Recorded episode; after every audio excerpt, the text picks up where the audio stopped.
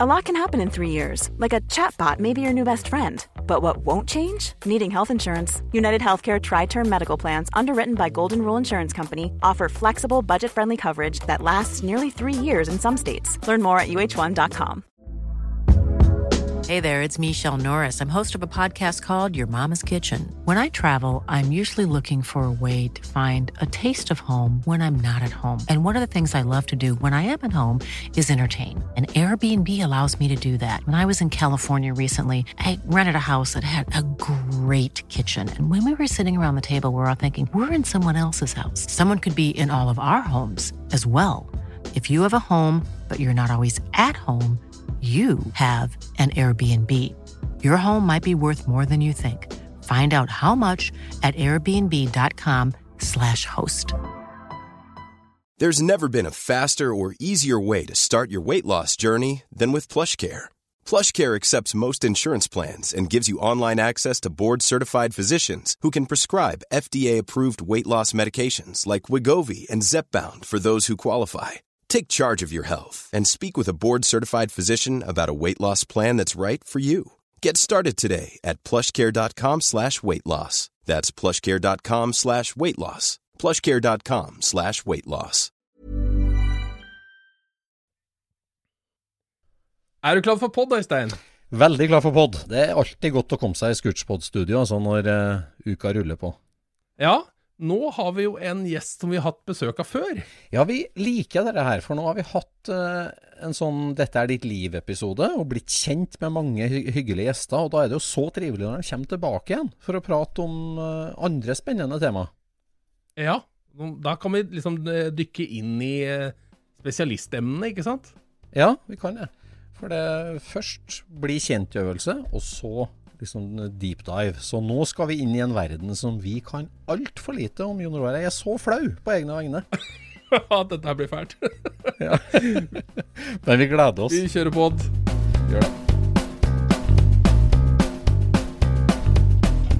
Du lytter nå til Scootspodden, en norsk podkast om klassisk bil med Jon Roar og Øystein.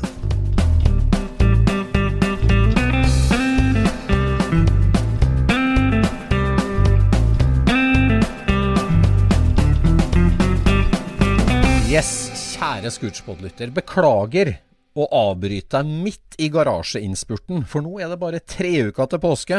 Og som vi har sagt på Scootspoden før, at det du ikke får gjort før påske, det får du ikke gjort i ja, vårforberedelser på bilfronten. Så nå har du det travelt. Er det sant, Øystein? Da har jeg dårlig tid, altså. vi ønsker velkommen til en ny episode av Scootspoden. Og for å introdusere denne episoden, så må vi tilbake til episode 20. Det er nesten to år siden, det. Ja. Og da hadde vi en veldig hyggelig gjest som eh, vi har invitert tilbake for å lære oss kjøre litt voksenopplæring på italiensk bildesign. Velkommen inn i studio til oss, Martin Buer Haugsæter. Takker. Godt å være tilbake igjen her. Veldig hyggelig. Ja. Veldig hyggelig. Ja, fin skjorte du har i dag. ja, jeg kommer rett fra jobb. Ja, kommer rett fra jobb. Det er flott. Nå Da må man ta seg ut, vet du. Ja. Hvordan står det til med deg, Martin? Jeg syns det går bra, jeg nå.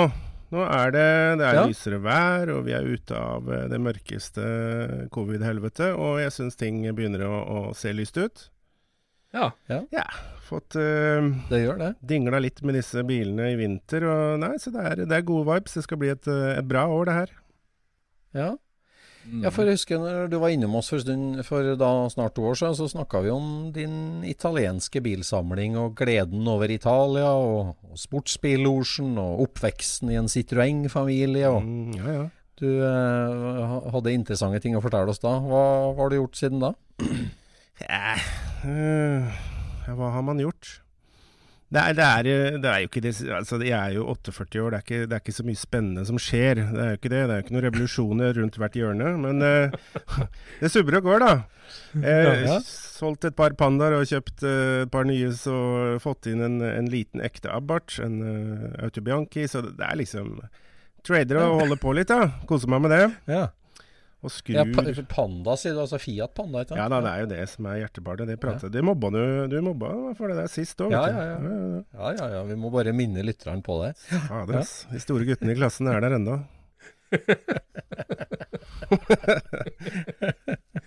Så Jeg husker du snakka om en eh, 850 sportkupé, var ikke det? Som var en uh, Berlina. Berlina. Ja, Berlina. Ber- Berlina, Ja. Jo da, nei, så det, jeg holder på med disse her bilene, da. Eh, det har jo blitt noen stykker av de her nå, og det er eh, Jeg veit ikke. Det er, eh, for meg så er jo jeg, jeg er jo glad i å være i garasjen. Jeg er jo ikke sånn kjøretype. Vi har Sportsbillosjen-møtene våre, og der møtes vi en gang i måneden. Og det er, holder nesten for meg, det altså. Jeg liker jo å modde og rote og lage verktøy til andre verktøyet for å lage deler til et eller annet som Ja. Jeg er nok ikke så målretta som kanskje et par av dere, øh, da, kan man si. Jeg koser meg med Nei, det. jeg syns, du, jeg syns du føyer deg fint inn i rekkene og jobber på veldig mange fronter samtidig. ja. Det er hands on på mange ting, sånn at ingenting blir ferdig. Eh, Nettopp. Det er vel et oppsett jeg lærte av pappa, tror jeg. Det er, øh, han kjører samme stuket, han. Mm. Ja, og jobber på mange fronter. Ja, holder på med mange ting, ja. At du driver og dytter på fire biler og to motorsykler og, og litt sånn forskjellig. Kjøpe inn litt og trikse og bygge litt her og der. Og så, så blir man egentlig aldri ferdig, se for å ha full fokus på én ballong, da. Da hadde man kanskje fått uh, kommet i gang. Ja, ja. Der er jo Øystein bedre, da. Du har jo litt mer sånn ett fokus på selve prosjektet. Du jobber ikke på mange prosjekt samtidig, men du Jeg tror du driver og samler informasjon og sanker prosjekter på mange fronter. jo da, jo da. Nei, det er jo noen i parallell, men uh, akkurat sjøl hjemme i garasjen så er det jo ett hovedfokus, ja. Mm. Men, uh, men eh, på årets første Cars and Coffee, da, Martin, hva er det du kjører for noe da? Da blir det en uh, Tubianki Abarth 112, N76-modell. Ja. Jeg gjorde noe Noe litt sånn rart her for et par halvannet år siden. Jeg kjøpte en ferdig bil. En uh, EU-godkjent strøk. Den sto plutselig og, og, og ropte til meg inne i Oslo. Det var, det var så merkelig. Så det var den helt rette modellen, rette fargen, rette Alt var riktig. Og det er en meget Ja. sjelden bil, da. Så da blei det napp. Så da tenkte jeg ok, nå skal jeg bare kjøre med den, kose meg og ikke modde, ikke gjøre noe. Det her er ting som må tas vare på. Det er liksom. Så ikke, ikke sette inn noen annen motor og ikke bodde for mye. Bare, bare prøve å kjøre og kose meg. Det er jo sånn midt på treet interessant, egentlig, da. Men hvis man, hvis Nei, man men eh, hvis man, hvis, det jeg har funnet ut, da, det er jo en liten sånn slags overmotorisert 70 hesters vimsete bil. Eh, som er ganske sprek fordi den har dårlig dekk, så spinner den litt og sånn, ikke sant. Så da er det Den virker litt vilter, da. Litt fyrig. Ja. ja. ja. Eh, mye skrik. Og så, hvis du kjører den én gang, eller kanskje maks to ganger i uka, så er det, da har du det samme wow hver gang du går inn. Fy fader, ass. Det her, eh, det her kaster grus, liksom. Og så, og så må den stå og hvile litt, og så Ja da. Så den, den koser jeg meg med. Den er klar til å bare rulle ut, da. Ja. Så Jeg trodde alle de der der var røde. Du sa den var rett farge. Hva hva var farge Den er uh, silver. Så den er Ja. eh, sølvfarget. Mm. Ja. Kjempefin. Med sort panser. Snart sort panser. Har den ikke sort panser? Er- jeg trodde det var bare Luversa som ikke var sorte. Ja ja, nei, det kommer, det.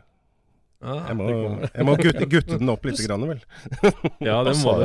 du sa jo at du ikke skulle modde. Du skulle Ja, bare kjøre sånn. ja, men det var originalt. Det, er- det her har vi diskutert på jobben nå, fordi at det er han som hadde den før meg. Han har lakkert det panseret sølv. Ja. Oh, ja. Eh, og nå ser den ganske sober ut, men den hadde originalt sort panser, da. Ja. Så da, Ja. da blir jeg liksom en sånn slags Vet ikke reversed boy racer eller sånn. Det blir en sånn litt kinkig situasjon å være i. Så for nå ser det ut som jeg skal pimpe opp den lille bilen med å få det panseret sort. men det er originalt. Så vi får Ja. se. Ja, ja. Ja, det er det pimping, egentlig. Det er det pimping, egentlig. Ja, ja. Du modder tilbake til originalt. Jeg gjør det. Det er viltdyrt. Da er det over middagshøyden, altså. ja, det, altså. ja. Ja. Ja, ja, ja, ja. Jeg hadde en barndomsvenn som hadde en sånn, den var knall rød. Det, det er jo hissig lyd i nå. Den har jo den litt sånn trange eksoslyden. Ja Det er det som er spennende med de gamle tingene. At det er øh, Italienerne var jo veldig flinke på det der å få Som hadde lette biler og sånn litt kvikk motor som, som du måtte liksom straffe litt. Så, så virker Mm. det veldig gøy, da. Det er Ja. fun, liksom.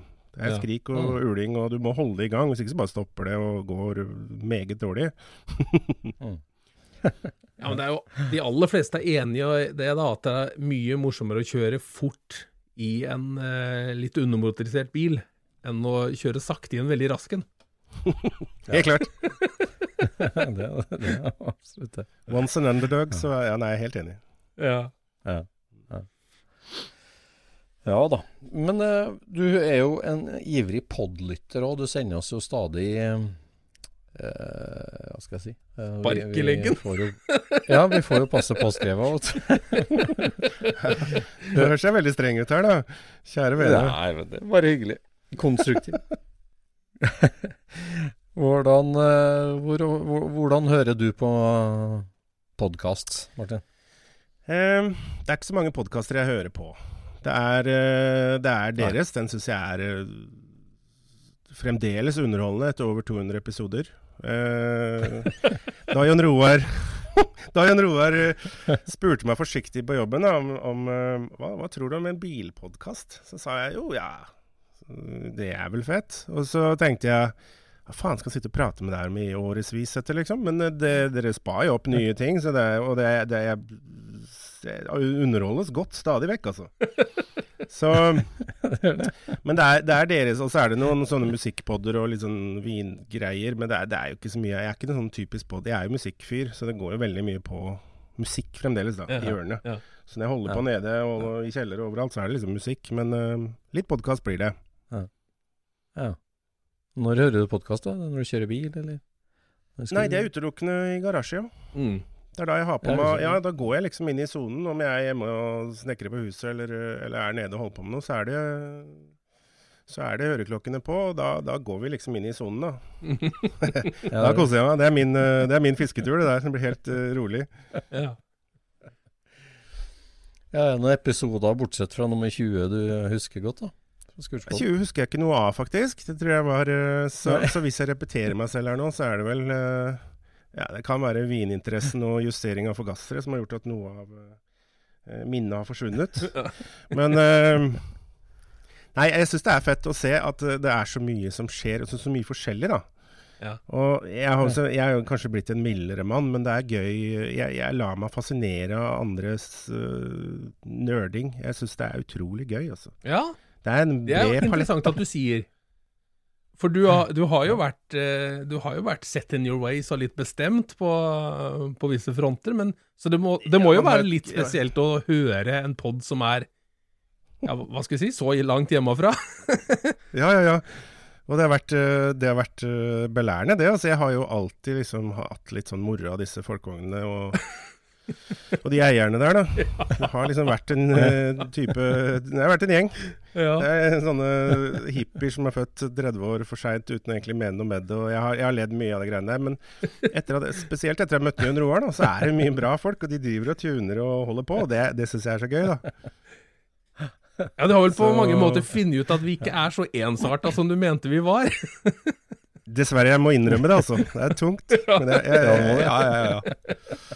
Jeg beklager, også. Jeg beklager. Det er hyggelige folk. Og jeg har jo masse buddiser som driver med VV, da. Så. Mm. Men vi må ha det der, vi må ha det, vi må krangle litt, må være litt, eh, litt temperatur. Ja. Det skal, skal være Men litt syns sånn. dere er, er det for mye VV? Altså, er det, er det en VV-pod? Vi mener jo ikke det, men referansene våre er jo det. Min buddy Stian uh, kaller det for Boblepodden. Boblepodden, ferdig med det. Men det er jo Det er jeg ikke enig i, altså. Det er jo ikke det. Nei, Så så bra. Men jeg syns det var veldig gøy å Ja, høre at, dere var, eller at det var liksom Det derre altså krigs-, etterkrigsboblegreiene, at det var så tungt inn i Norge, og at det, dere også driver og, og, og krangler om hva slags mønster som er banka inn i bolter og sånt. Det er sånt jeg trodde vi Italia-folka hadde i fred, men eh, så fikk jeg høre om Kamax og alt mulig sånne greier, og det var liksom Hei, ja, det er andre idioter der ute. Det er deilig. Ja, det her er veldig deilig for oss, og det her har ikke jeg hørt. Nei, nei, nei. Det var jo din pod, da. Men uh, du sov. Nei, jeg tenker på at hvis det er i Italia-miljøet også, så er vi jo mer like enn jeg hadde trodd. Ja da, ja da, vi er nok det. Ja. Det er vel uh... Ja, det er veldig bra. Ja. Ja, Nerding vi, vi, er jo av og til redd for at det, at det, er for mye nerding, da, eller at det blir for snevert og rart. Mm -hmm. Men det er jo som du sier, at man blir jo fascinert over hvor, hvor smalt det kan bli òg. Så liksom selv om du ikke går inn der og er liksom ivrig, så er det jo ja. Hvilke, eh, kan, du, kan, du, huske noe sånn nerdøyeblikk? Ja, ja det, var, det, var, nesten ståpels. Det var sånn, kanskje en episode eller to siden, så var det en, en dude fra Kragerø som fortalte om noe sånn stempel på fuksfelger. Da tenkte jeg han her, han er flott, altså. Han har skjøtt det. Det var helt bak mål, vet du, hvor langt ned han hadde gravd nesa i det her. Og det syns jeg var så spennende, vet du jeg vet jo ikke hva det er, og jeg kunne jo aldri ha kjøpe en Fuchs-felg, men, men dæven og gøy, da. Så det syns jeg var, det var gøy, da. Ja. Oh. ja, det er gøy, altså, det at du setter ord på sånn. For at eh, ja, man blir jo veldig fascinert av sånn ekstremnerding. Altså. En, av våre, en, av våre favorittepisoder det er jo den med doktoren fra Halden, når han fortalte om den Le Mans-bilen sin. Ja. Det, det var jo kanskje ikke en sånn, en sånn eh, hva skal jeg si, vel, en sånn overdynamisk, latterfull underholdningsepisode, men det var en nerdeepisode. Altså, ja, den, en eh, utrolig Og den må jo jeg takke deg for, Martin, for det var jo du som tipset om han. Ja, ja ok. Ja, han er, det, han, det, han, gjorde med de bilene på tidlig 80-tallet, uh, gruppe C, liksom, ja. helt fantastisk. Altså. Ja, det er helt fantastisk. Virkelig. Nei, det er veldig bra.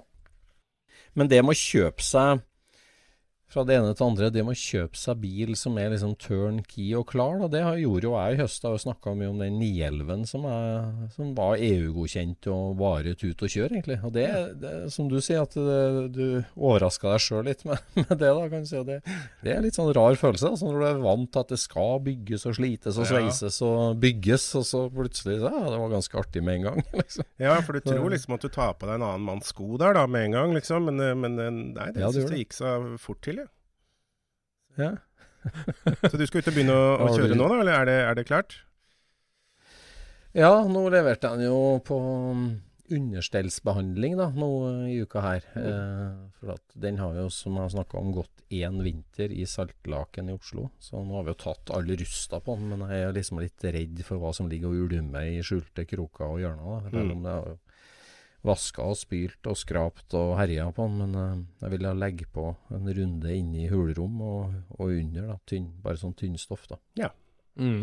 Så nå står den der, og så skal den rett på superpolering hos en nabokamerat som er kjempeflink til det. Og da er det bare felgbytte igjen, så er den klar. Ja, det viktigste til slutt. Mm. ja, riktig. Jeg kan ikke risikere å få noe understellsmasse eller polish-dråper på den der eh, aga råmagnesiumfelga. Ja, jeg gleder meg til å se det der. Får vi se, da. ja, det er artig. Ja da, vi skal jo videre i eh, dagens episode, og det, det handler jo om italiensk bildesign. For du, du snakka jo varmt om det når du var hos oss, Martin. Mm. Og, og, hvorfor det er så tiltalende. Jeg husker veldig godt du snakka om det der med på en måte den der designprinsippene som kommer fra Lamborghini Miura og de superbilene, men som også du finner igjen i bruksbilene. Yep. Fiat Panda og, og, alt det her. At liksom hvordan det er denne linja og streken og X-faktoren er litt den samme. Da. Det er en artig vinkel. Mm. Men det som jeg og Jon Roar eh, altså vi, vi, er jo flau over hvor lite vi kan om italienske bildesignere og italiensk bildesign. uh, så, så, det her er jo liksom litt voksenopplæring og ja, et sårt, punkt, altså. Ja.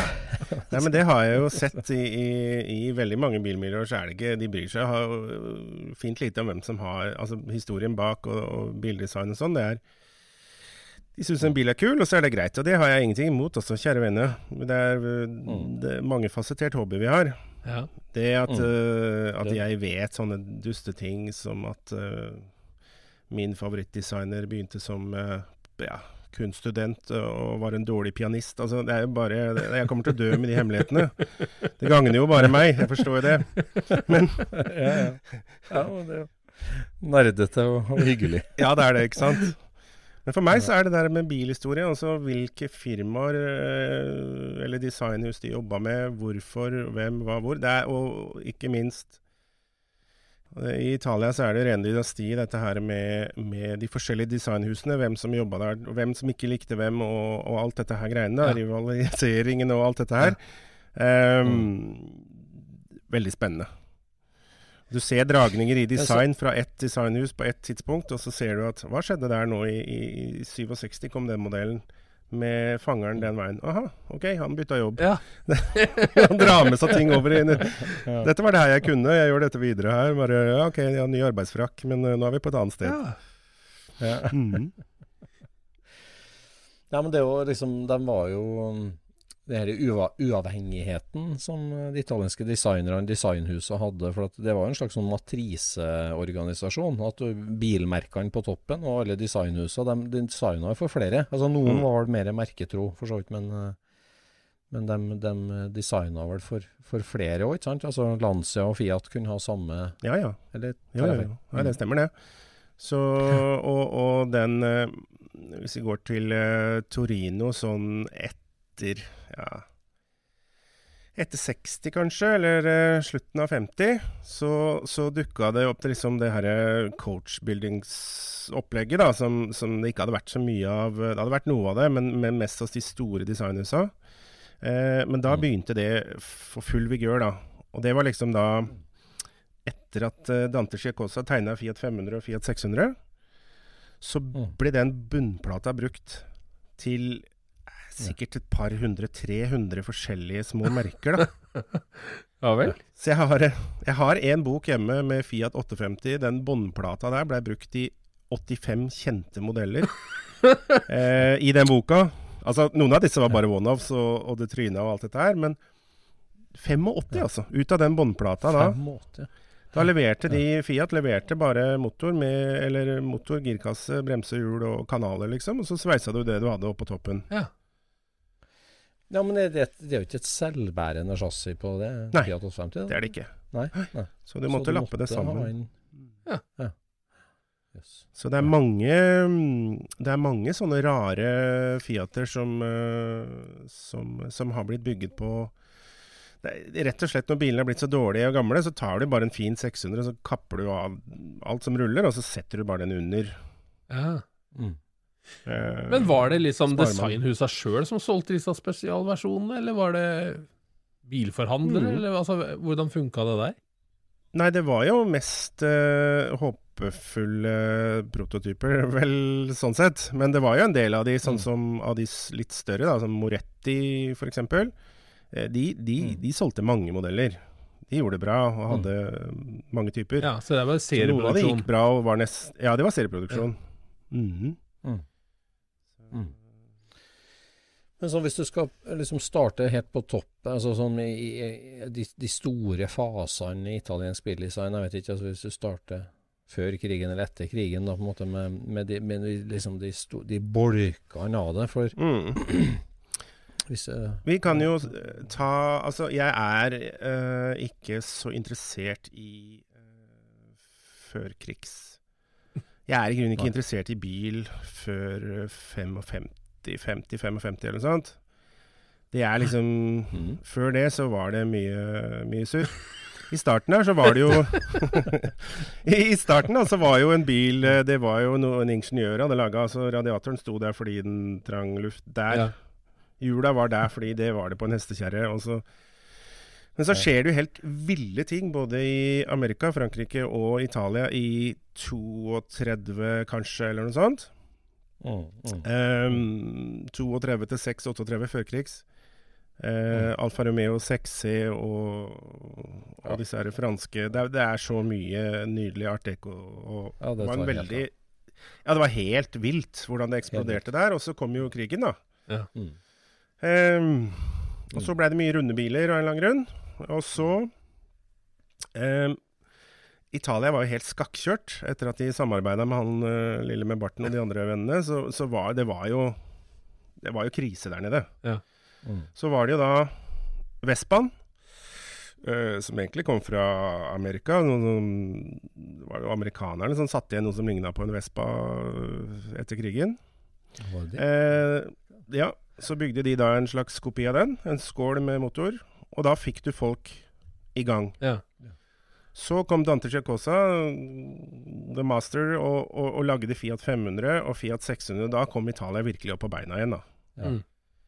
Ehm, I Norge var vi i grunnen i full sving i 46 eller noe sånt, 48, men, mens der nede så tok det litt lengre tid. Ja. Så det var de folkebilene da, som jeg sikkert prata om sist, at jeg er veldig glad i folkebiler. Mm. Det er vi òg. Jeg syns det er veldig spennende, altså. Ja, det er det. Dere også har vel eh, borti vært, vært borti noe av det der? Ja. Ja. Mhm. ja. Nei, og så går det jo oppover da, så, så skjer det jo mye spennende. Eh, Sis Italia 204 er kanskje den eldste bilen som jeg kunne, kunne hatt. Det er vel en sånn 4 2 254 eller noe sånt. Eh, selvbærende, da, den, den er jo bare lekker i seg sjøl. Og, så- og så begynner det virkelig å rulle, da. Med Da kommer jo Da er det liksom litt bort med disse her eh, De runde Eller de runde tingene eksploderer jo sånn 64 eller sånn, kanskje? Vet ikke, der omkring. Ja. Porsche, Porsche 904, Mm. Ferrari 330 LM eller 250 Ja. 250 LM og disse her sånn, som har den herre kvinnelige kurven, da, som man kaller det, Mm. på, på siden av karosseriet, ikke sant? Ja, ja, Eh, med swoosh på forskjermen og swoosh på hofta bak. ja. Og den blei jo verre og verre utover 60-tallet der. Det blei jo villere og villere. Ja. Eh, helt til liksom Det begynte å skje noe ute i Val di Sussa, ut på utsiden av Torino, i sånn 65, tenker jeg, eller noe sånt. Da var det endringer. Ja. Og det er der jeg Liker ja, det er der du våkner. Det er, ja, det er der jeg våkner, altså. Da fant de fram linjalen i Italia. Ja, ja, på en måte. Det Ja. var en sånn fin overgang der med I 64 så kom jo eh, han Oscar Montebone, han tegna Fiat 124, den vanlige Ladaen.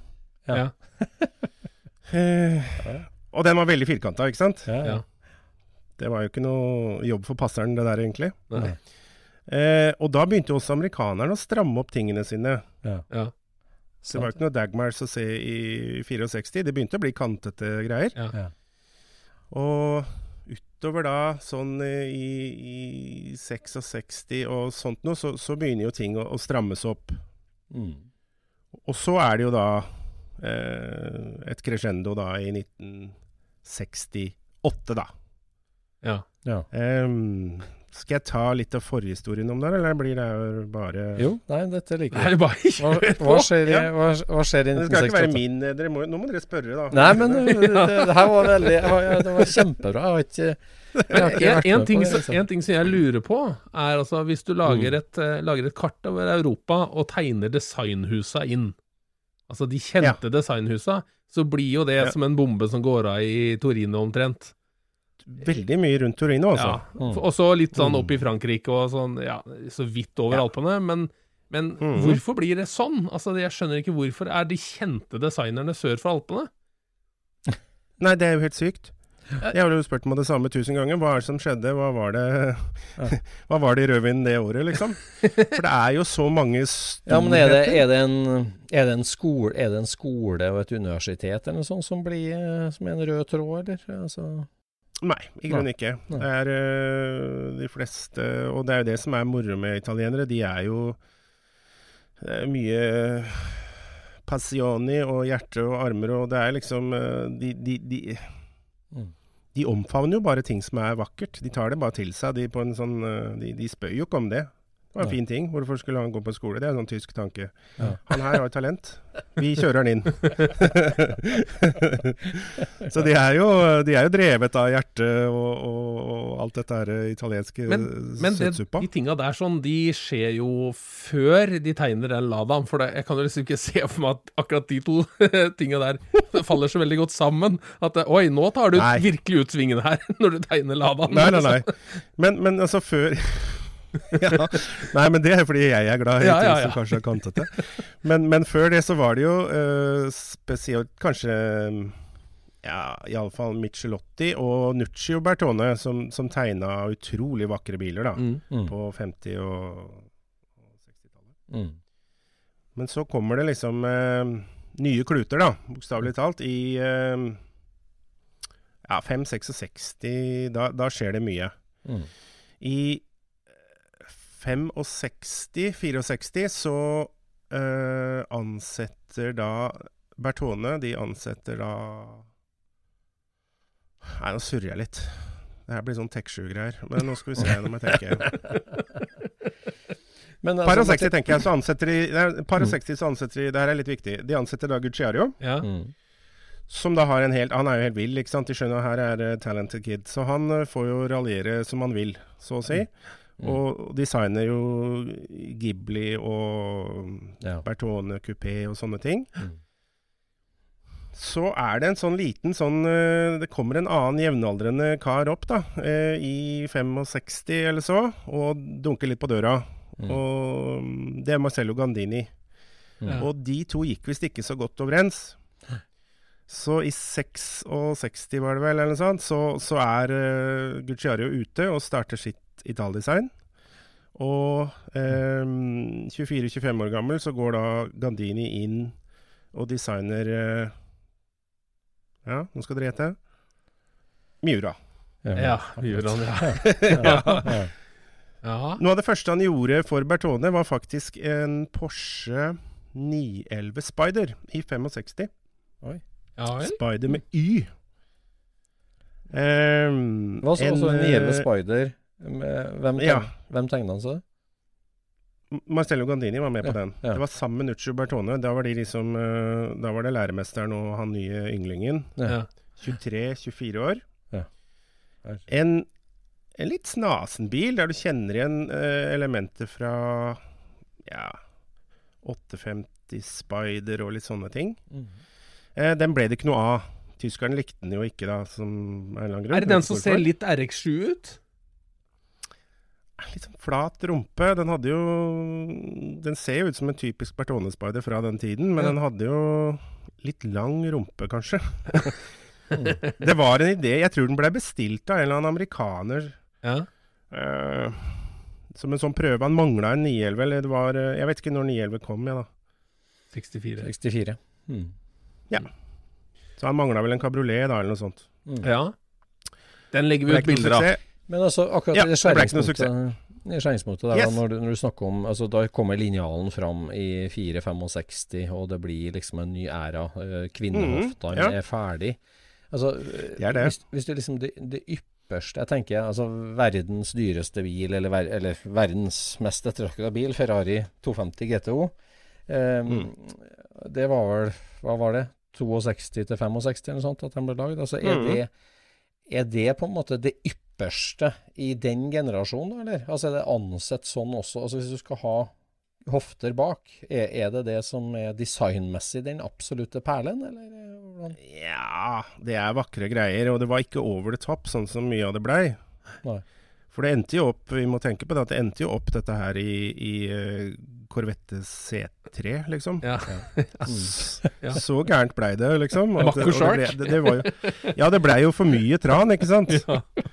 Hvis vi gjør den der enda høyere og, og den enda smalere, så blir det enda fetere. Som en sånn Sheeta også. Det er liksom samme greiene der. Ja. Ja. Heller kanskje ikke, ja. Det blei litt for mye. Ja.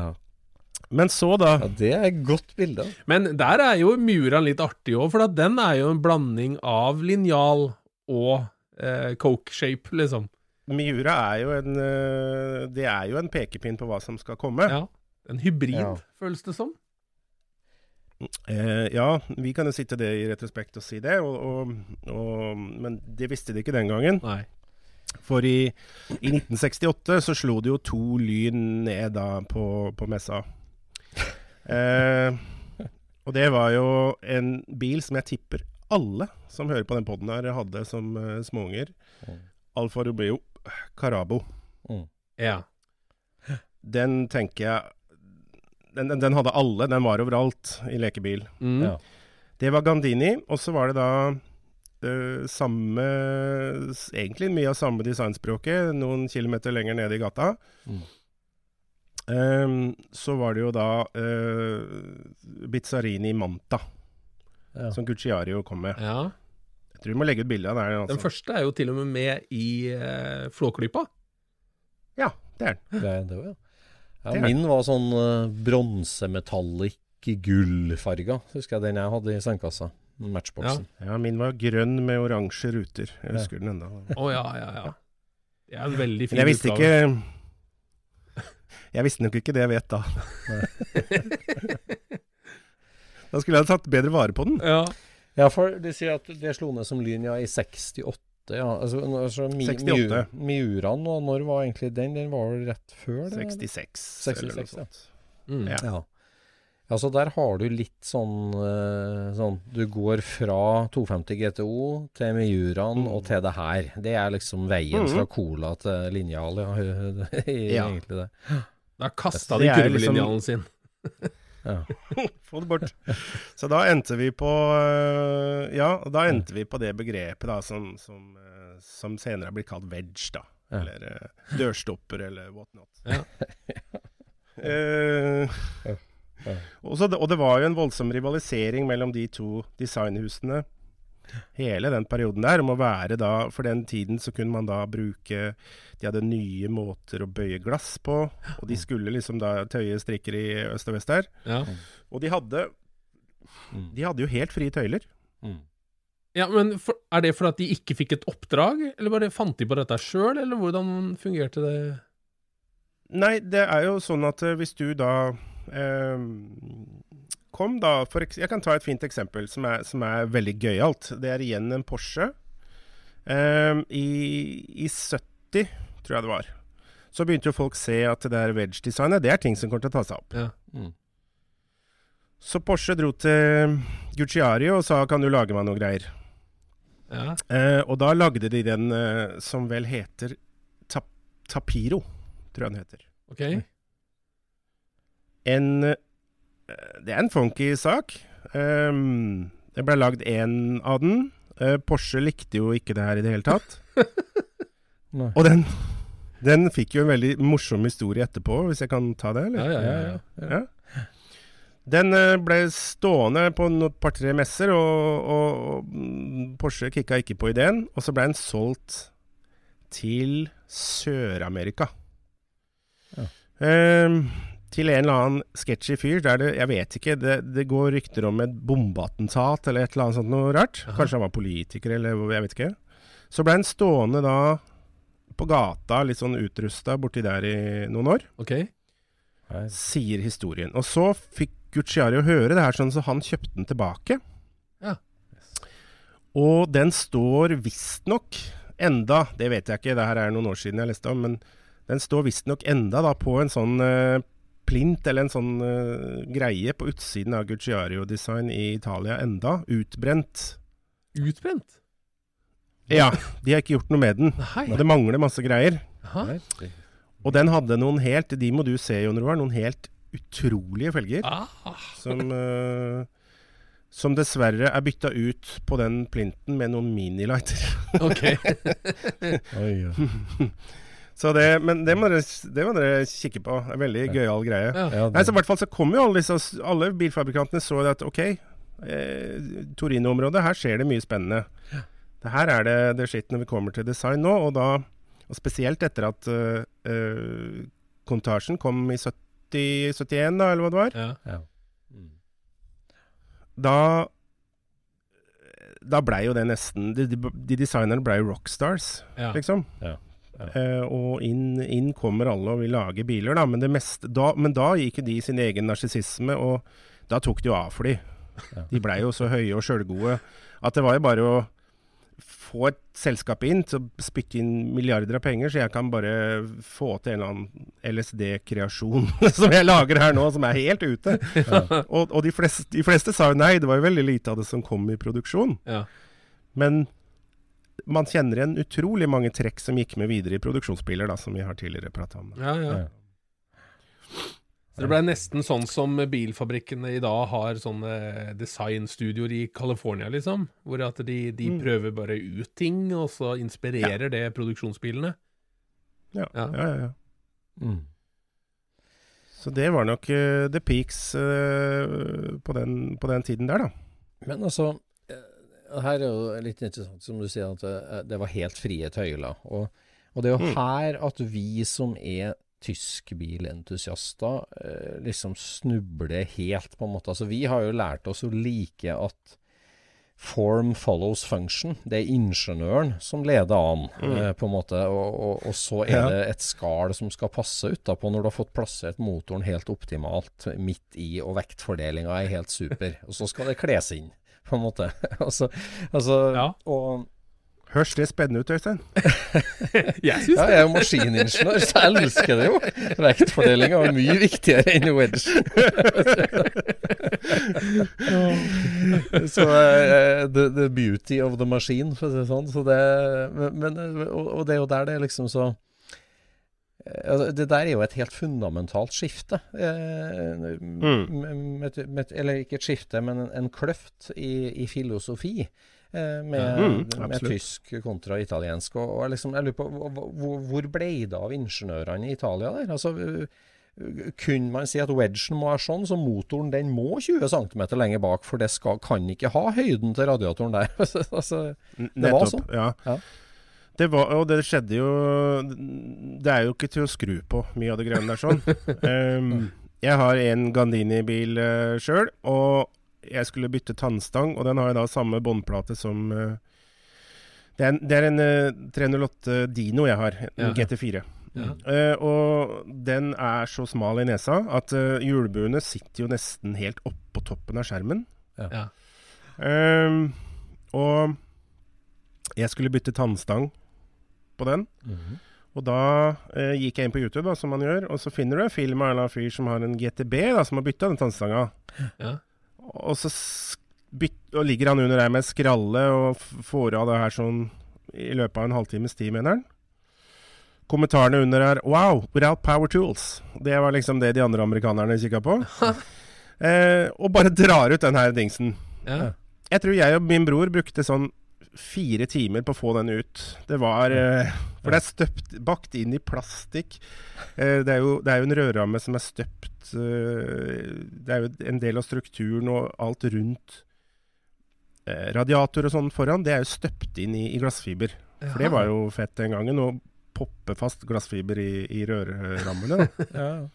Så det er jo ikke til Vi fant en inspeksjonsluke som var stor som en tommel, og der mente de at eh, den tannstanga skulle liksom Der ordner vi det. Så det er jo Det er jo stikk i strid, da. Ja. Ja. Det er akkurat det Det motsatte. er jo Ja, jeg husker bror og jeg skrudde på en sprinter en gang, og da kunne man stå foran Du tok av grillen, og så kunne du skru ut motoren eh, liksom fra fremsiden med noe forlengere. Ja. Det er jo nydelig, det òg. Det, det, Det har jo sin sjarm, det å skru på en sånn tysk måte. Jeg må jo si det er jo, det er jo gøy. Ja. Det er lett. ja, for det er Jeg bare lurer på om det har noe med altså- mennesketypen å gjøre. Ja. Altså, altså at man er mer opptatt av å ta seg ut sør for uh, Alpene, på en måte. Og på nordsida så er det liksom sånn derre Ja, nå må jeg komme hjem til middag på tre minutter, og så Jeg vet ikke. Det, Det virker det er som de er ja. eh, de, de skyver på det der Trenger ikke ta seg ut. Det kan være helt lik til naboen. Det går helt greit. Mm. Nei, de er jo flamboyante dustemikler der nede. De er glad i å sprade. Det er helt klart, det, altså.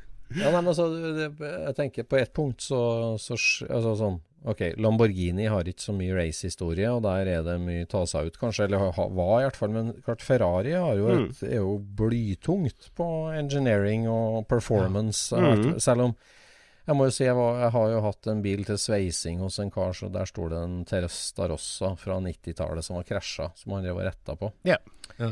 Mm. Og det var jo Altså, maskiningeniøren i meg var, det var jo helt Det var jo flaut, liksom. Det var, det var firkantrør med hønselokksveis, og som du sier, popnagler og sammenbakt Ja Det så ikke ut under den bilen, altså. Det, og, Nei, det er uh, ja, og vi, når du satt deg inni, sant, rattstammen var litt sånn skeiv, og rattet traff deg liksom litt sånn i brystvorta, på en måte. For du, du hadde satt ikke midt på rattet heller. For det, at, altså, det var ikke for Ja, å krasje. Det, er vanlig italiensk kjørestilling. Det må du bare Ja, sitte med beina litt borti kroken. Det, det må du bare venne deg til, altså. Ja, jeg skjønner. Ja, nei, de, ja det, er, det er mye sånt. Nei, men altså, men altså sånn, Når du snakker om hvordan designet var førende Men det er klart at på akkurat Ferrari da, så har jo de track recorden bokstavelig talt til å vise at det funker jo òg.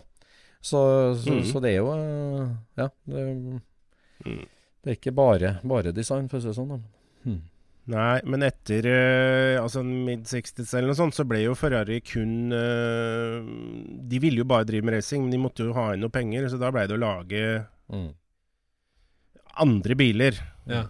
Det er jo mer Det er jo mer jåleri, mye av de greiene der sånn. Mm. Eh, mens det løpsgreiene, da kunne de jo spisse det enda mer. Mm. Ja. Mm. De har jo en grei eh, De har jo en eh, grei rekke i Formel 1, eh, vil jeg si. Selv om jeg ikke er interessert i de tingene der, så er det Mm. Ferrari har gjort det bra. Det, jeg syns det er kult, det der måten de har drevet det på. Ja. At racing har liksom vært hele tiden eh, grunnen til at de holder på. Ja. Mm. Det er, eh, det er fett. det er Det- Det er den beste motivasjonen du kan ha, egentlig. Ja, det er den beste. Da lager vi en sånn folkebiler eh, som vi selger borti her, da, vet du. Ja. Ja, jeg må si det at Ferrarier blir vesentlig mindre sexy når du tar av de ytterste skinnene, altså. Men, øh, men det, er, det er jo ikke til å legge under en stol at, det, at tinga funker. Altså, det virker som, Nei, det det. som funksjonen, geometrien og sånn, det er på, er på plass. Og så er det det som er Mm. mellom det og karosseriet, det er mindre viktig. Og så er det hvordan karosseriet ser ut, det er øh, Ja, ja. også på samme høyde som funksjonen. Ja, ja, ja. Mm. Altså. Det er en motor som, motor som skriker og sånn, og så fin rød på utsiden, så, så er veldig mye gjort. Ja. Mm. Eh, jeg husker vi skrudde på en eh, den, Hva heter den, tror jeg? Det var ikke Skal vi se, det var for, forgjengeren til Tesla. Er det 512? 512 er etterkommeren av Tesserottan, vel? Nei, det er ikke den. Det er den som var før der. Jeg husker ikke hva den heter. Jeg. Men uh, vi skrudde på en sånn en gang, og da var det Den var en litt rundere bil, da. Um, en kompis av meg hadde. Og da skulle vi fikse Det var noe med vindu. Broderen holdt på med noe vindusgreier. Og da, da husker jeg vi tok av dørtrekket, og da var det sånn Hva faen skjer her inne? det var som du sa, altså. Det var firkantrør og Ja. banka til og sparkla og teipa sammen. Ja. Noen popnagler og noe sånt. Ja. Den døra var jo vakker, da. Ja, ja, ja. Ja. Kan det ha vært en 288 eller noe sånt, av det, eller? Nei, det er ikke det, vet du. Den hadde flat uh, Ja, nå får, nå får jeg tyn fra noen Ja, altså, vi får ta det seinere. 308. vi, vi, vi, Men hvor setter, du, hvor setter du grensa hen for egen lidenskap? Altså, øh, du snakka jo varmt om Giugario med, med, Mm. med eller Maserati han og Ferrari og sånn, men han, vi kjenner jo han Mm. som faren til golfen. Folk om golfen òg. ja. Eh, Ja, ja. sam, samler du det, eller, eller altså, er, du, er du interessert i det òg? Det må være italiensk inni òg, eller? Sjøl? Nei. Nei da. Nei, jeg syns jo øh, Han tok jo den øh, Da Wedge-designet liksom var øh, over, og de kunne jo ikke bruke det til så veldig mye. Du hadde Mm. Fiat XC9, som kanskje er den største salgssuksessen av sånne rene Wedge-design-biler. Ja. Mm. Den har 50-årsjubileum i år, øh, faktisk. Ja. Um, men uh, det var jo mye av det der som, sånn som Contage og, og sånne ting. Det var jo ikke sånn Ikke hadde man råd til det, og ikke var det til å bruke. Nei. Men da var jo da Gandini han var jo øh, mye steilere enn Gucciario. Han gikk jo videre, Gucciario, med allerede i 73 eller noe, med Golf. 74 kanskje. Ja. Og Scirocco og seinere Panda og alt dette her sånn, og dro jo med seg masse av de her elementene inn. Ja. Ikke wedge-designet, men øh, den øh, Er det du kalte det, Jon Roar? Asymmetrisk? Nei, hva da? Nei, paper folding. Det var noe greier du hadde hadde ja, fint ja, ja. uttrykk på det, husker jeg. Eh, oh, jeg husker ikke lenger. Ja, Folded paper cars eller noe sånt. Ja, det var jo Ja, noe sånt. Ja. Eh, og det er jo Det syns jeg jo er kjempe, kjempekult. Og om det heter Fiat eller uh, VB, det er jo ikke så viktig. Nei. Sånn sett. Jeg, jeg liker Golf og eh, Golf 1 syns jeg er ordentlig, ordentlig flotte greier. ja, Men det er jo rene, fine linjer, liksom. Ja visst er det det. Ja. Mm. Og man kjenner jo igjen de skarpe knekkene og mye av det her eh, krydderet fra, fra disse her ville prototypene, da. ja. Og det Ja, utenpåliggende så- tanklokket på Golf 1, det er eh, Jeg fører tankene til Italia. Så,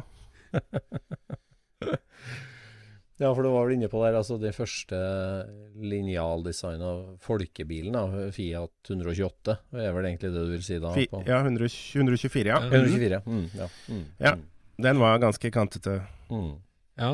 Men eh, min, min barndomsbil, av 127, da, når, når kom den, og hvem tegna den? Det vet jeg ikke. Ja, det var Piu Mansu. Han, øh, Ah, syk historie, altså. Ja. Han Den dagen han skulle kjøre inn til Torino for å levere de endelige tegningene på den bilen, så krasja han med Fiat 500-en sin og døde. Han var sånn Nei. par og 20 år. Nei. Så de fiska de papirene ut av bilen, og så lagde de da den 127 som en sånn slags uh, hommage. Eller de var jo så godt inn i prosjektet, da.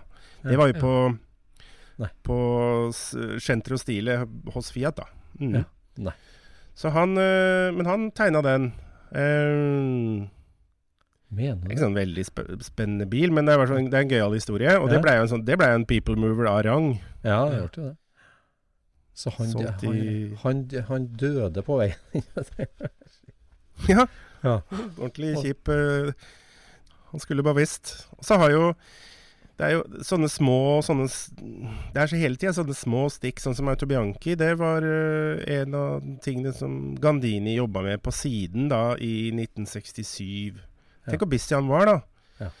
Da sto han der med hendene fulle og skal lage da uh, Alfa Romeo Carabo, og så kommer da uh, Autobianchi, som var en sånn slags hopsop av en dekkfabrikant og litt mm, tråsykkeldeler og litt sånn greier. Og så kan, vi må ha en liten Mini, selger godt i, i, i England. Vi må ha en sånn bil. Kan Ja. vi fikse. Så tar han det liksom innimellom der, da. Ja. Og så lager han Og det er jo et helt annet designspråk. Ja. Men uh, ja, men de lagde jo faktisk bil av Mini òg, jo. Sånn den uh, lille Di Tomasoen. det var et seinere Ganini-design. Det var for Innocenti. Da brukte de uh, båndplate til Mini. Og så designa han en sånn liten quirky kasse oppå Ja, toppen der. den er liten, altså! Ja, den er liten, og den er veldig kul. Ja. um, kan nok hende det kommer en sånn på norsk jord en gang. Men er den mindre enn pandaen? Den er det. Jeg tror det. Ja. Jeg har nesten ikke sett det engang. De er sjelden i Italia, til og med. ja. Så ja. Men hva kommer det av at uh, italienske biler aldri vokser? Så hvorfor, hvorfor blei de aldri større? Er det for at Italia er så trangt? Italia er trangt. Det er mye Ja. folk. ja. Eh, det Ja, er mye skatteklasser. gater. Smale gater og, og strenge skatteklasser. Ja. Ja. Det er en greie. Ja. Det er det Litt sånn som uh, de franske bilene også. Ja. Eh, det skal koste å, å kjøpe en 4,8 liters uh, eh, Maserati. Ja. Og det er jo i grunnen greit, det. Ja. Eh, men derfor så er det jo mye småbil, og, og det er jo en sånn De har en sånn bruk-og-kast-mentalitet som ikke ligner noe. Ja. Det er jo fem år, så er det øh, søppel, liksom. Da er, det, da er den brukt opp. De vasker jo bilene der nede sånn med, en sånn derre eh, sprayflaske med noe sånn eh, Jeg vet ikke. Silikon. Det er liksom Det er, det er detailing i Italia. De, de bryr seg jo ikke. Nei. Ok, du, du, du kjørte i meg, det er jo greit det. Men uh, altså, bilen går jo. Hjulet går rundt. Så de er jo pragmatiske sånn. Så jeg tror det er det. Altså, de har sånn bruk og kast-mentalitet. Billige biler, og alle skal ha biler, på en måte. Ja. Mhm. Så det er vel en sånn for, altså på, på designspråk, da. Jeg, jeg er jo vokst opp egentlig da i en Fiat-familie. Eller min, mine ja, besteforeldre kjørte Fiat. Fiat 500, 600, 850, 127. Eh, en sånn rekke oppover 50- og 60-tallet. Nå blir jeg glad.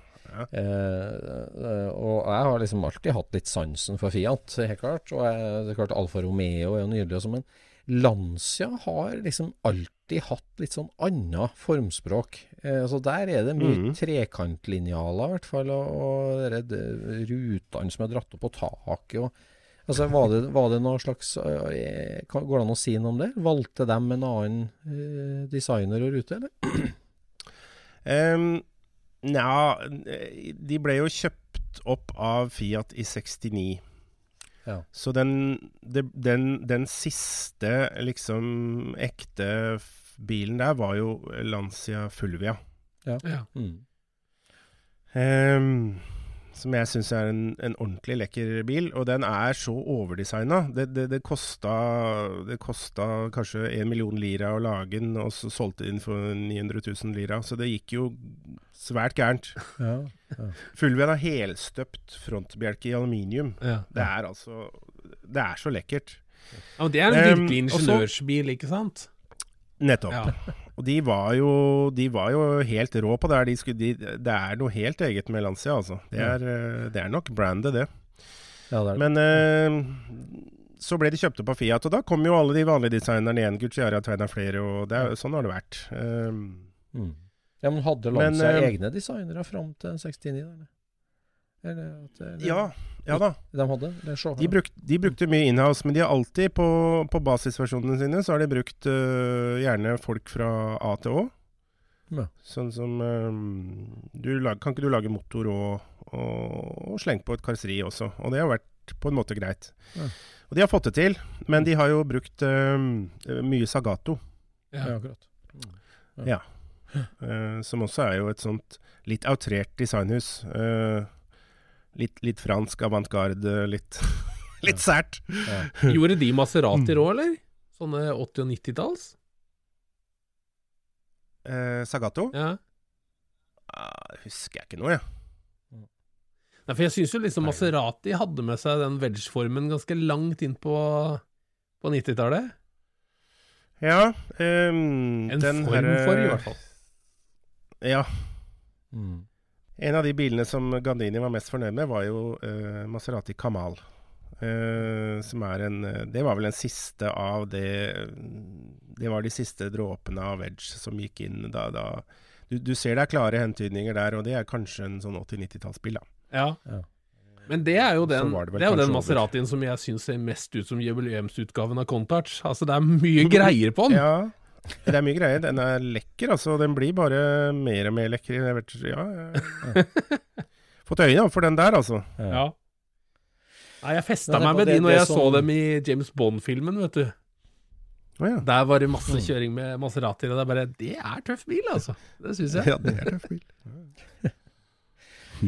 Jeg tenker på det der magnetfeltet som liksom oppstår i Italia da, altså at, at, at verden og de andre bil, bilfabrikkene begynner å se til Italia for design. Og, og altså, både Studebaker og Chrysler og forskjellig sendte jo chassis over og fikk designa både av Gia og andre ting. Men det, jeg tenker det er klart, selvfølgelig Golfen og folkevognsamarbeidet er jo et eksempel på et sånt eh, ikke-italiensk merke med italiensk designer, som har vært et Mm. veldig lykkelig ekteskap.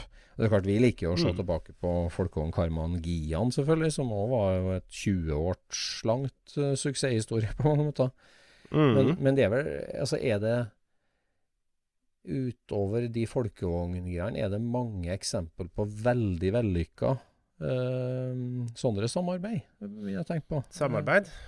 Ja, Ja, som har eh, blitt til langvarige, permanente modeller, liksom. Eh, Jeg veit ikke, men BMW har jo brukt uh, italienerne litt. E28 og litt sånne greier er jo faktisk Gandini igjen. Det er merkelig hvordan den mannen dukker opp i alle arenaer. mm.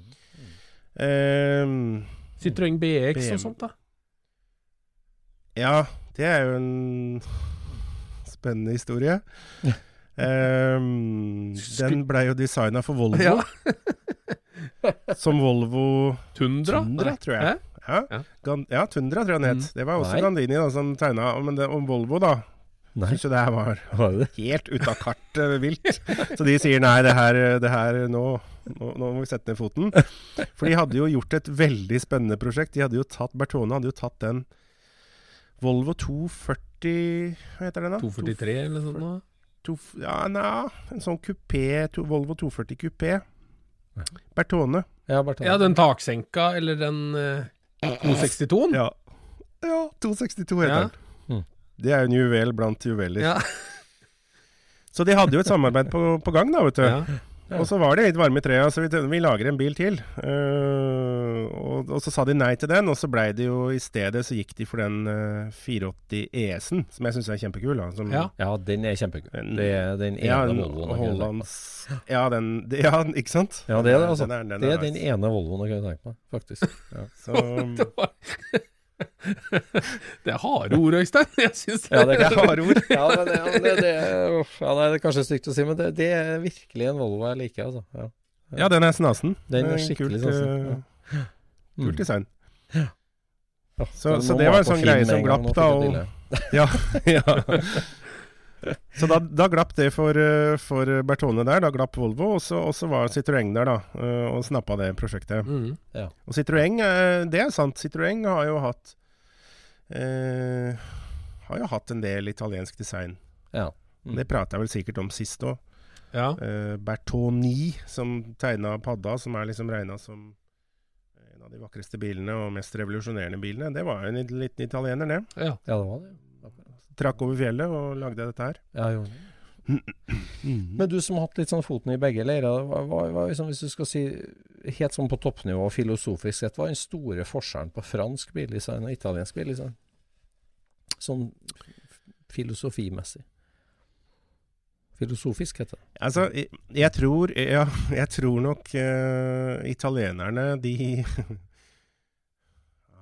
De vil nok ha det noe vakrere og mer fullkomment enn en franskmennene. De, de gikk ut uh, all på å være quirky, altså. Franskmennene, ja. De, det er jo noen vrange stabeiser, liksom. Så de, de var uh, Ja. Ja, det har kommet mye morsomt ut fra, fra Frankrike. Særegen. Eh, mye vakkert òg, egentlig. da Mm. Ja. Jeg vil jo si oh, det. ja, det. Som, ja, eh, D-modellen var italiensk designer, og det var søren meg ikke klar over. Mm. Ja. Så det var uh, Bertoni. Og så var det jo han uh, Det kom jo en sånn hoffdesigner etter han som lagde liksom CX-en og mye av det her, som fortsatte da samme formspråket, Ja. på en måte. ja. Og, det, og, og Citroën og, og ikke minst Renault var jo Det var jo rare greier. Til langt opp til 80-tallet, og så ble det jo blåruss og kjedeligere, da. ja. Nå er de Nå er de vel borte? Eller de fins vel, men Nå er det Stellantis, vet du. Ja, Stellantis. Hele, kjøpte opp hele driten. Ja, Nei, så det er, det er nok ja, det, er, det er noe med den franske galskapen òg. Mm. For de var nutters der borte. Og Mm. liksom når et fransk ehm, når, når liksom Citroën da skal samarbeide med noen, så så, så, så drar de til Maserati. Eh, Ja. Som også var da Det også var en gjeng med susehuer, vet du. Så, Men det kommer jo bra ting ut av det. ja den er tøff. SM er jo en eh, flott, eh, flott bil. Ja, det er den, altså. Det er den. Mhm. Jeg er helt sikker på at du kunne tatt Men- hvem som helst av disse Citroën-modellene og så gjort de litt mer kline og fått fram originaldesignet litt mer, så hadde det sett ut som en custom-bil. For det er, de ser eh, Altså ikke hvem som helst av Citroën-modellene, men, men fra ja, midten av 60-tallet og ut, så syns jeg det er eh, Mhm. ganske kule linjer. Ja det er litt mye Mm. staffasje på et eller annet vis. Ja, så er det de strikka setene alltid. ja. Men du da, som, som hardbarka italiensk Hvis nå en scootspodlytter sitter der ute og, og er, er fokusert på Volvo eller på Porsche eller på folkevogn eller whatever, på Ford, og liksom tenker ja, italiensk bil er kult. Det er, altså, tenker jeg et slags kjøpstips. Altså, for meg så tenker jeg sånn Tysk bil det er klart Porsche 911 er veldig ikonisk. Nå har den blitt uh, Mm. altfor dyr, for så vidt, men det er en veldig Ja. ikonisk bil, og en hyggelig bil, lett å skru på, fantastisk liksom, design, pakke, morsom og sånn. Og så tenker jeg sånn, en fransk bil i litt sånn samme sjangeren er jo en, en D-modell, en tidlig D-modell. Utrolig design, quirky, kjemperar, kul. Som er liksom et slags Mm. sånn kjøpstips hvis du skal inn på utvide samlinga di med en fransk hobbybil. Hvis du skal ta en italiensk bil, et, et kjøpstips på en sånn ikke altfor dyr, ikke sånn 5000 kroners bil, men ikke altfor dyr, men Nei. en sånn hva er ikonisk, har med seg mye av det Hva, hva, hva skulle jeg kjøpt meg da, hvis jeg skulle inn på Italia? Italia? Nei, hvis en, hvis en har liksom eh, Hvis en har et eh, par hundre, da, liksom, å legge i det. Ja, ja. Kjøpe noe ferdig som er gøy, så er det vel å få tak i noe Lancia Fulvia Coupé. Det er altså Mm. Det er fullendt både på design og, og på ingeniørbiten, Mm. syntes jeg, da. Mm. Og så er det nå å prøve å få tak i eh, Fiat XN9-er mens, mens Ja. det går. De får du nå bra til Ja. Kanskje 50 000-80 000 kroner nå. ja, Strøkene går liksom for maks 100 000. Ja. De er på vei opp. ja. Der har du kjøreegenskaper, enkelt å mekke. Eh, og jeg syns da eh, et, et fett design. da. Jeg syns XC9 er gøy. Ja. Mm. De første seriene, da, som vanlig. De første. De første. Ja. Ja. I 1988 Ja, det er et godt tips også. Det der er liksom litt sånn Porsche 914. Det der. der. Sånn, det, det er sånn Ja. nesten sportsbil. Eller altså, det er jo en sportsbil, men det er, det er, altså, litt Ja, sånn ja. oversett modell. da. Mm. Mm. Ja, det er et godt tips. Ja. Veldig. Og den er jo også en eh, eksponent for dette som aldri kan skje i Tyskland. Asymmetrisk design. Ja. ja, det går ikke an. Nei, altså, jeg kan ikke komme på at jeg har sett det på en tysk bil noen gang. Nei. Bortsett fra at folkevognmerket sitter på ene døra på, på T4-en, liksom, Ja. bak. Jeg tror jeg Gunther sleit Ja, den det var ikke noe moro, det der. Ja, Tix hele dagen. Ja. Ja, Og så er det jo en annen, en annen uh, fin bil som nå dessverre begynner å rase av gårde i pris. Det er jo den Alfa Romeo Bertone-kupeen, som også er en sånn fin bil å kjøre. Ja. Ehm, den er enkel som en traktor å skru på, liksom. Det er, å og, så det er også en bil som, som er sånn hyggelig Mm. innfallsport, da. Ja, jeg syns jo det er en, det er en skikkelig erkekul italiensk bil, føler jeg. Mm. Det er som en Mm. MK1-er i Italia. Ja. Litt tung i rumpa, det er, litt, det er noe småtteri der som kunne vært justert, mener jeg, men uh... Jeg syns de er kule, altså.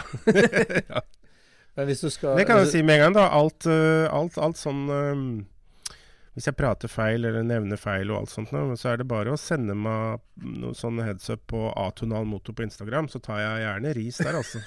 helst, helst fra alfagutta. Det er godt tips. ja. Hansken er kastet.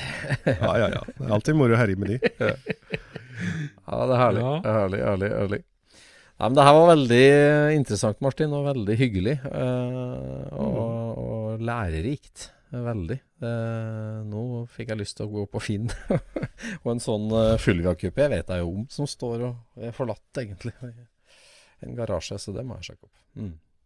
Den har jo noe av det samme designspråket som eh, jeg syns Hvis jeg skulle hatt en folkevogn, da, så måtte det blitt en sånn T34, heter Ja. vel den, tror jeg. Type Tegia, ja. Mm. Ja, den Sartorelli-designa bilen, den syns jeg den er lekker. Den første er ikke noe for meg. Den er liksom for gammel, og det er bare en flat boblebil, liksom. Den, den er for tung foran, og jeg, jeg, jeg liker den kanskje ikke så godt, da. Nei. Mm. Men den der nummer to, den eh, 34, Ja. den, den har et den har et crisp, det er ordentlig crisp design, altså. Den liker jeg godt. Ja, skarp den.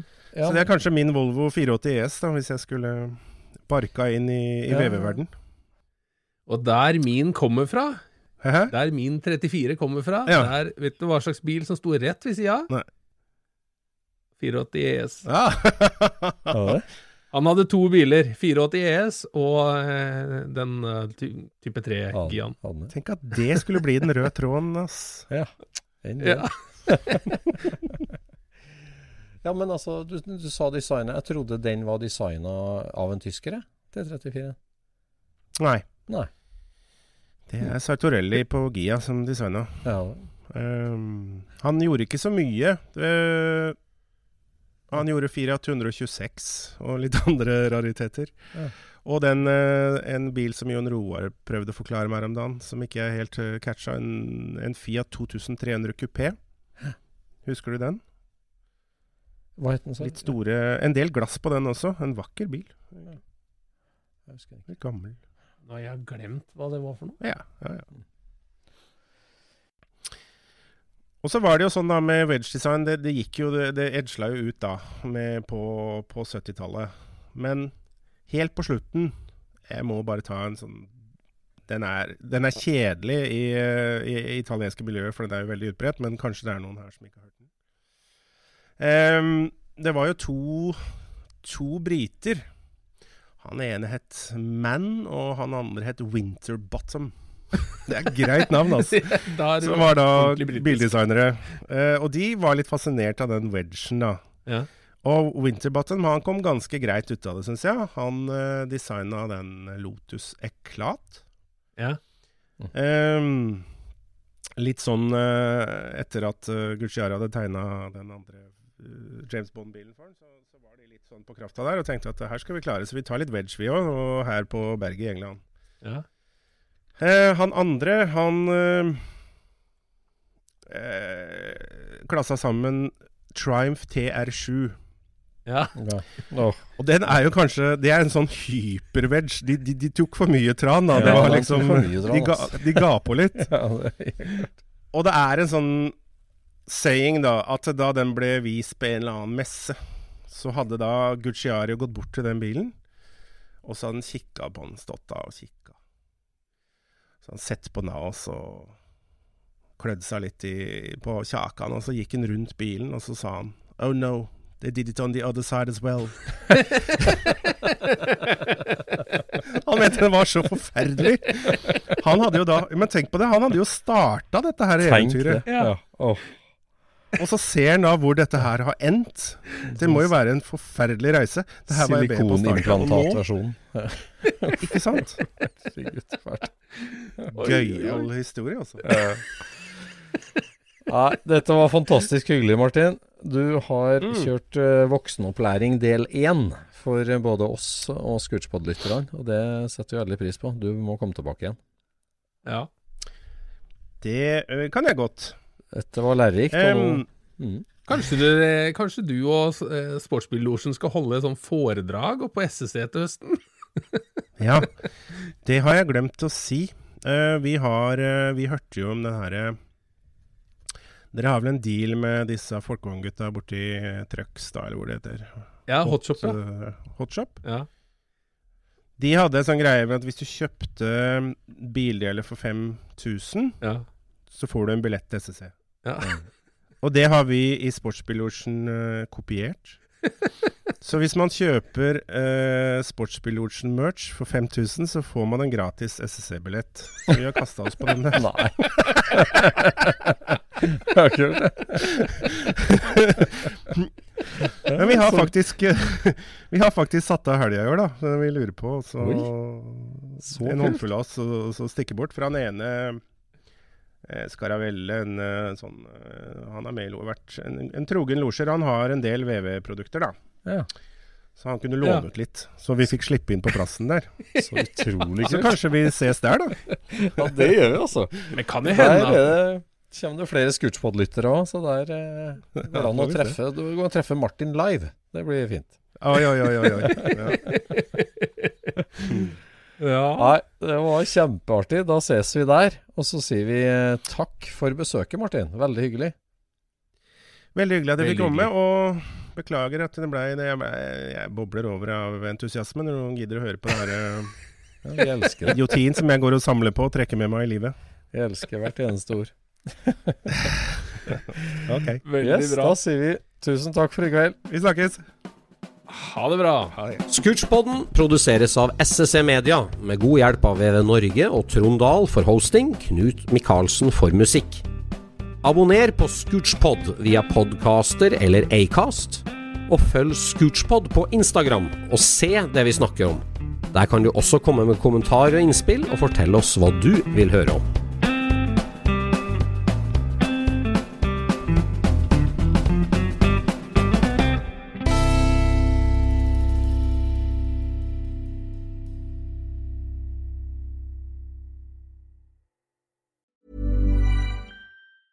Hi, I'm Daniel, founder of Pretty Litter. Did you know cats tend to hide symptoms of sickness and pain? I learned this the hard way after losing my cat, Gingy. So I created Pretty Litter, a health monitoring litter that helps detect early signs of illness by changing colors, saving you money and potentially your cat's life. Pretty Litter is veterinarian developed, and it's the easiest way to keep tabs on your fur baby's health right at home. Go to prettylitter.com and use code ACAST for 20% off your first order and a free cat toy. Terms and conditions apply. See site for details. Hey, it's Paige DeSorbo from Giggly Squad. High quality fashion without the price tag. Say hello to Quince.